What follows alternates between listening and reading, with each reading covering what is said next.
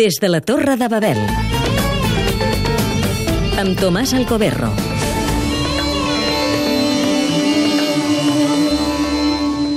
Us pot estranyar, però Beirut és gairebé segur la capital del món amb més diaris. N'he comptat uns 10 o 12 en diferents llengües.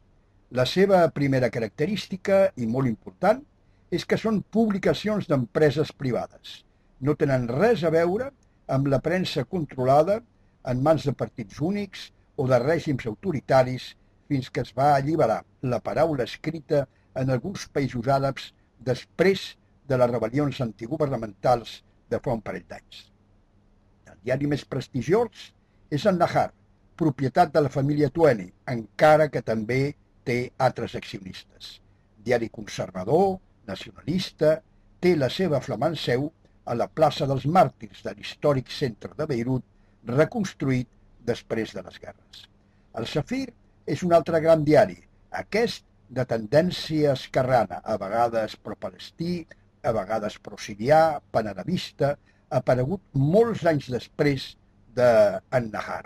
El Mustaqbal, el Liwà, el Jumuria són algunes dels altres capçaleres. Es publica un diari en francès, l'Orient Le Jour, el millor diari francòfon del Mediterrani Oriental, i un altre en anglès, el Daily Star.